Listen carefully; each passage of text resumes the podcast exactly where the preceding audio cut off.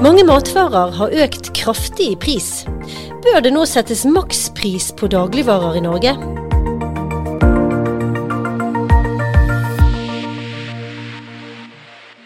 Du hører på Konkurransepodden, en podkast fra Konkurransetilsynet. I denne episoden skal det handle om pristiltaksloven. Magnus Friis Reitan, eh, hvordan merker du de økte prisene på dagligvarer? Altså, jeg ser det i butikken, sånn som alle andre. Prisene er høyere, og uh, sluttsummen i kassen er også uh, høyere. Så uh, jeg merker økte priser. I likhet med veldig mange andre. I likhet med veldig mange andre. Og det er jo kanskje det viktigste her. Altså, for mange som har det trangt økonomisk, så slår dette veldig hardt inn. Det rammer hardest de som har minst fra før dette her. Men du, I tillegg til å eh, være en helt vanlig dagligvarekunde, så er du også økonom her i Konkurransetilsynet. Og du er nestleder ved Avdeling for mat, handel og helse. Dere har bl.a. tilsyn med konkurransen i dagligvarebransjen. Eh, og I forrige episode så hørte vi om de ulike sakene dere jobber med for å sikre bedre konkurranse i dagligvaremarkedet. Det er flere som har tatt til orde for at vi i Konkurransetilsynet bør sette i verk pristiltaksloven for å få ned prisene. Hva er egentlig pristiltaksloven? Lov om pristiltak det er en relativt kort lov med særlig to eh, sentrale bestemmelser. Det ene er et forbud mot å sette urimelig høye priser. Det andre er en mulighet for å sette makspriser for å fremme en samfunnsmessig forsvarlig prisutvikling, som det heter. Kan du nevne et eksempel på at pristiltaksloven har vært tatt i bruk i Norge? Altså det sikkert mest berømte eksempelet er under OL i 94. Da samlet hele verden seg eh, i den ikke så veldig store byen Lillehammer. Eh, og da eh, ble loven tatt i bruk for å regulere prisene på overnatting. Men nå er det altså noen som foreslår at vi skal ta i bruk denne her pristiltaksloven nå, og sette makspris på dagligvarer. Hva tenker du om det?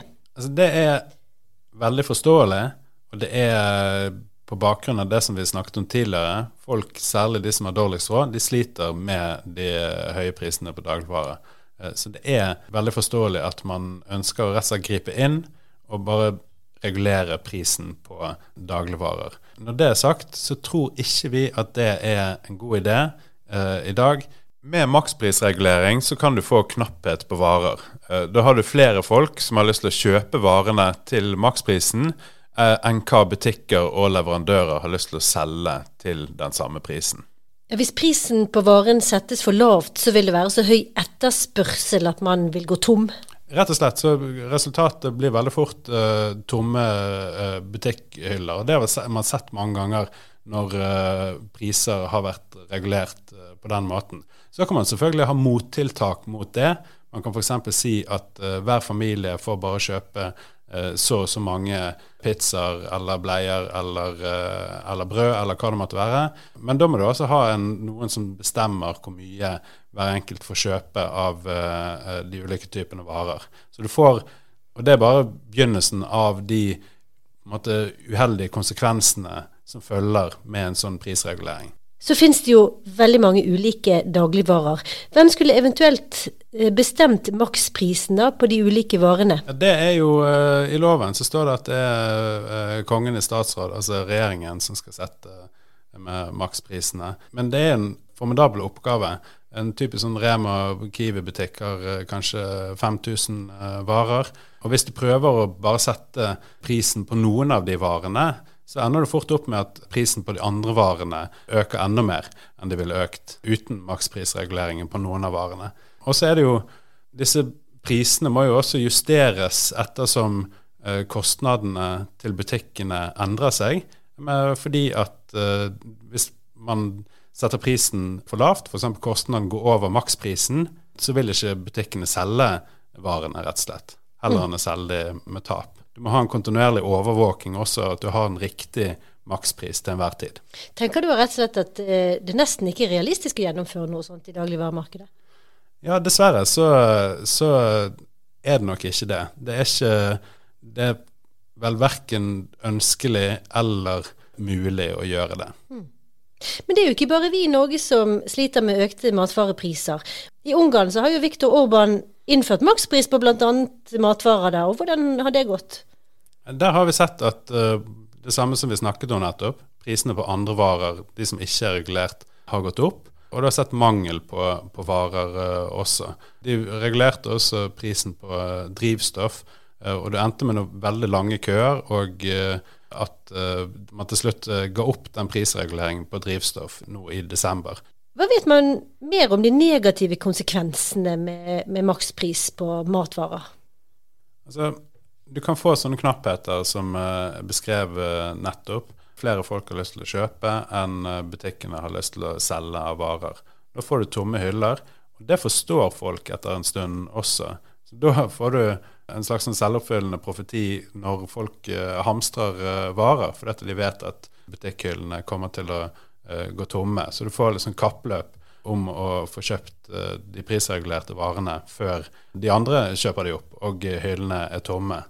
Du kan også få svartebørshandel med varer, også fordi at svartebørshaier skjønner at uh, disse varene kommer til å gå tomt for. Så da kan jeg tjene gode penger på å selge de på nettet til folk. Kanskje for en enda høyere pris når det er tomt i butikkene for, for disse regulerte varene. Så Det er blant disse her følgekonsekvensene du kan ha av en sånn prisregulering. Mm, dette virker jo ikke som en situasjon man ønsker seg i Norge. Kan man oppnå noe positivt med å regulere matvareprisene? Ja, helt klart. Altså du, du reduserer jo prisene på, på, kort sikt. Problemet er hva du gjør eh, på lang sikt, og hva du gjør med tilgjengeligheten av varer. Eh, men på kort sikt så bremser du definitivt eh, prisøkningene. Og så snakket vi jo litt om Ungarn her. Sant? Norge er jo ikke Ungarn. altså Kan det tenkes at makspris på matvarer kunne fungert bedre her enn det f.eks. har gjort i Ungarn?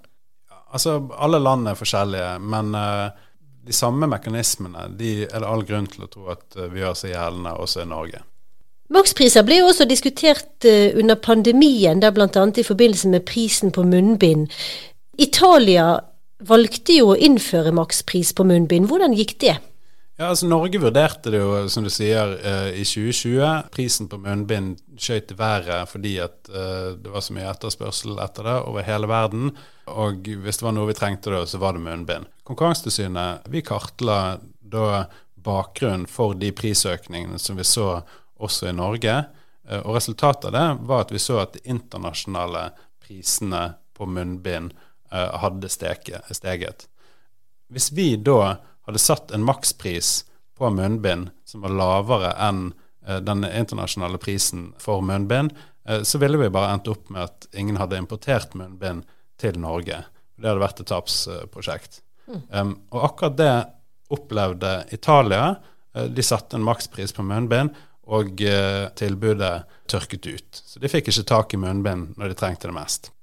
Men kan du si litt mer om konsekvensene av å regulere prisene, altså på lengre sikt, kan det tenkes at eh, langsiktige virkninger kan være bra, da, å oppveie for mer sånn kortsiktige negative konsekvenser?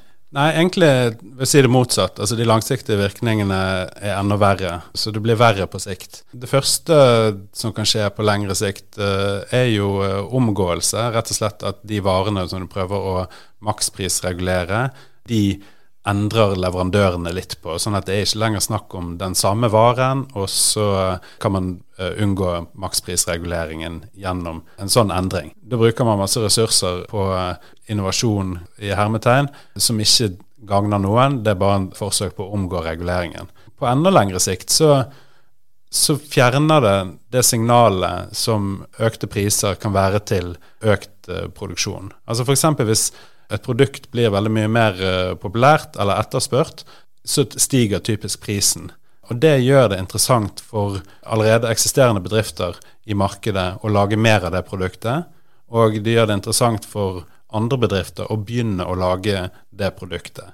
Men hvis prisen ikke får lov til å stige når etterspørselen stiger, så får du ikke den mekanismen. Så da får du ikke det signalet til eksisterende og nye bedrifter om å begynne å lage produkter. Så på lengre sikt så kan det ha ganske skadelige konsekvenser for investering og omstilling.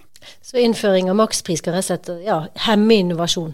Rett og slett. Magnus Friis Reitan, takk skal du ha for denne forklaringen på pristiltaksloven og konsekvensene av å regulere matvareprisene. Takk for at du hører på Konkurransepodden. Jeg heter Siri Løken, jobber i tilsynets kommunikasjonsavdeling. Flere nyheter fra Konkurransetilsynet finner du på nettsidene våre. Følg oss gjerne også på Facebook, LinkedIn og Twitter.